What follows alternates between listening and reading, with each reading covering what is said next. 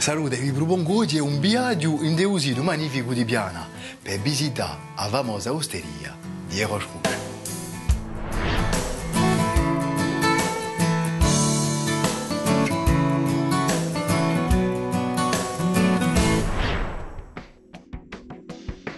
Tocco il principio del XX secolo si sviluppa il turismo in Corsica.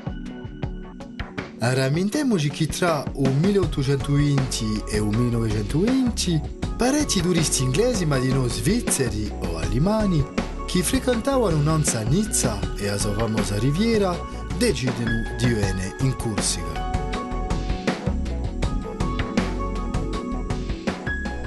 In Bramma di dolcezza e di sutisimo i turisti sbarcano in Ajaccio che comincia a farsi conoscere da stazione d'inverno.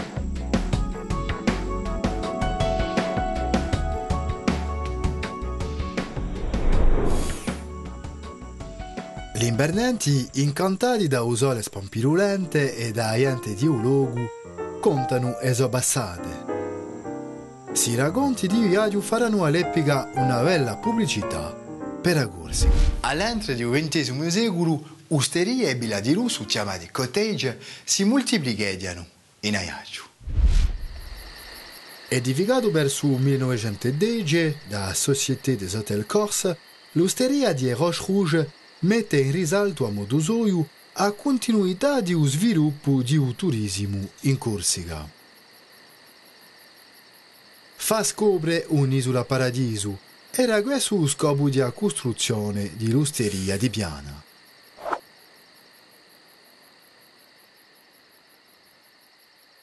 Baladichi, a Corsica viene considerata come un'isola bellissima e lontana da tutto. Un vero paradiso per i turisti che pagano per smiravigliarsi.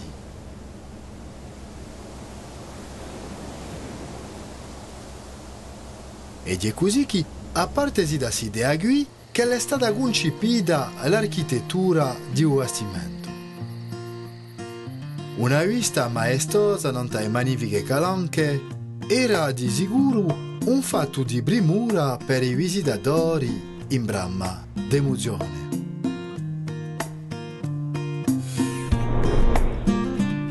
Al XIX secolo, lo scrittore francese Guy Maupassant è stato affascinato anche lui da questi famosi scogli rossi di Piana. In cuore di un viaggio in Corsica e in una cronica d'ottobre di 1880, pubblicata in un giornale Le Gaulois, Maupassant faceva vanto di un sito famoso di Piana. Ma state assente ciò che lo scriveva dando e Galanche di Piana facciano parte dei più belli luoghi di Corsica, forse di un mondo. Ma qual è che conosce?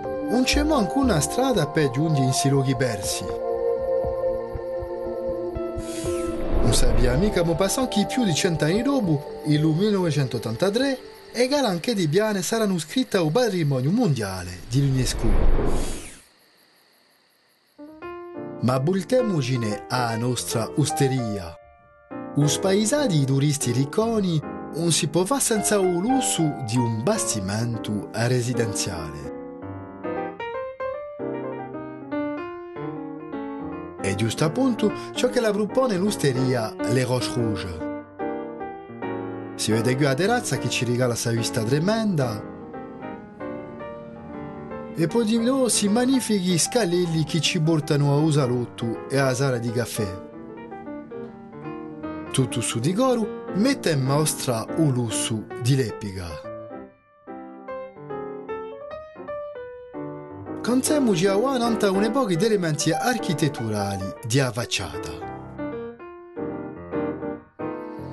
So da mettere in risalto la simmetria assiale dell'insieme, l'assesto di travade, l'avanzata dei tetti e di nuovo a poligrumia di facciate, baladì con parecchi colori.